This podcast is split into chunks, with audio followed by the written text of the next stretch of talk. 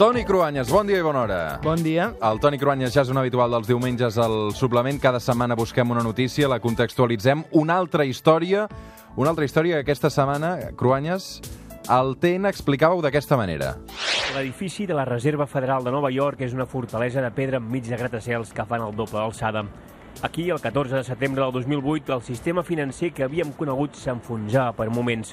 Convocats d'urgència, els 10 banquers més importants del país eren incapaços de comprar Lehman Brothers i impedir la fallida del quart banc d'inversió del món.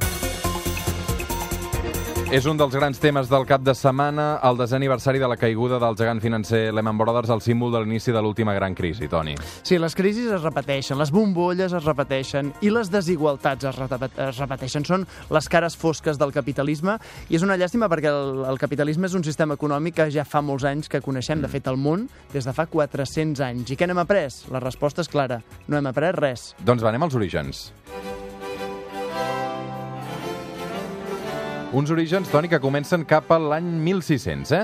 Sí, acabava la dominació comercial del món, que des de ja abans de Cristòfor Colom estava en mans de Portugal i el regne de Castella. Les rutes de les espècies, les teles i materials preciosos, les noves fruites, els luxes d'Àsia i Amèrica estarien en mans dels holandesos.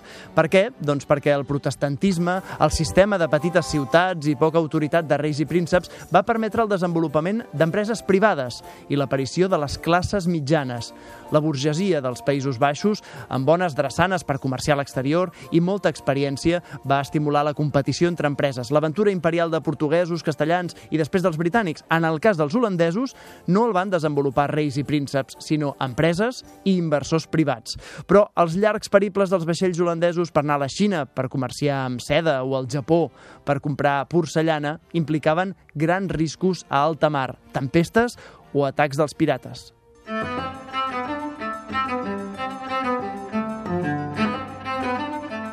Com que les empreses holandeses no tenien un imperi militar al darrere, doncs un contratemps que volia dir, Toni? Doncs volia dir que els inversors privats ho podien perdre tot. Per això els holandesos van crear un sistema per minimitzar aquest risc. L'impuls del protestantisme, que a diferència del catolicisme en aquella època sí que permetia els préstecs i també la contractació d'asseguradores, va fer que ciutats com Amsterdam, Delft o Anvers, a Flandes, van desenvolupar un sistema cada vegada més complex d'intercanvi de monedes de diferents països. El 1609, el Wisselbank és considerat el primer banc central del món, oferia el servei de garantir el valor de diferents divises. També a Amsterdam es va fundar la primera borsa de valors del món. Fins i tot diuen que com que obria poques hores al dia, les compres i les vendes s'havien de fer molt ràpid. I ja des de l'inici, en aquella primera borsa d'Amsterdam, mm -hmm. al segle XVII ja es vivia un ritme frenètic de compres i vendes d'accions. O sigui que, Toni, d'alguna manera, la fórmula per parir el capitalisme és un sistema financer, una moneda estable i una classe mitjana, no? Sí, sí, com la que hi havia a Holanda en aquell moment. Pensem, per exemple, en els quadres de Rembrandt o de Rubens, de Vermeer. Imaginem-nos famílies famílies burgeses com la de la noia de la Perla, les cases d'obra vista de dues plantes al voltant dels canals d'Amsterdam, amb aquelles façanes acabades amb detalls artístics en què les famílies competien per veure qui tenia els millors tancaments de ferro forjat, la millor marqueteria a les fustes de la porta, també la roba que portaven, joies, enagües i pentinats elegants, les dones, uh -huh. i aquells colls blancs i amb acabats brodats, amb barrets grans i amb plomes, els homes, com el quadre de la Ronda de nit, de Rembrandt. Tenim, doncs, una classe classe social preparada pel que necessita el capitalisme, que són ganes de gastar-se els diners. I aquí ve la part més divertida d'aquesta història d'avui.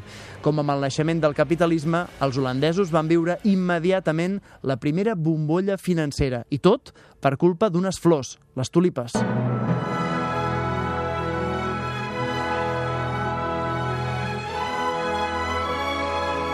A veure, aclareix-me això de les tulipes, Cruanyes, perquè necessito que m'ho clarifiquis.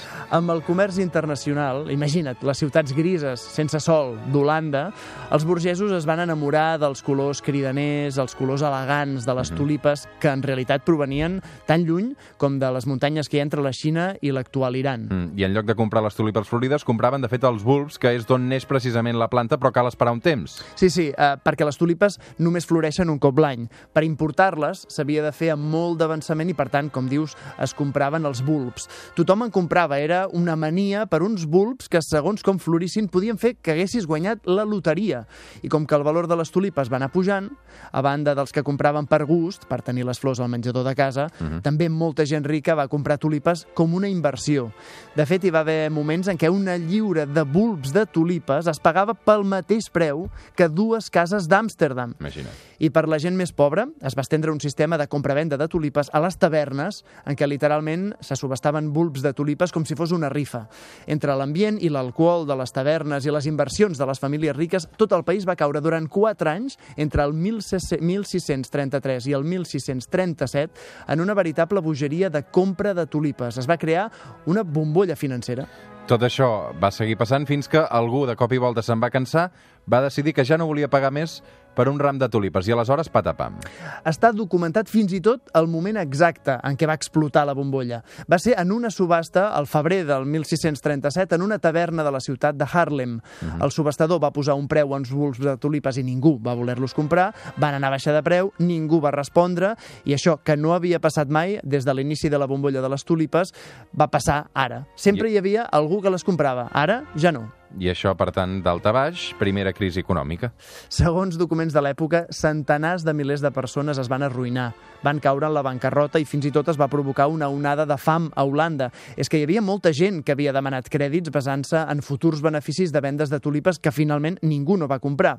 Famílies que havien hipotecat les seves cases, terrenys o les seves botigues. Era la pràctica intrínseca del capitalisme en forma de tulipa. Qualsevol es pot fer ric si sap invertir bé els seus diners.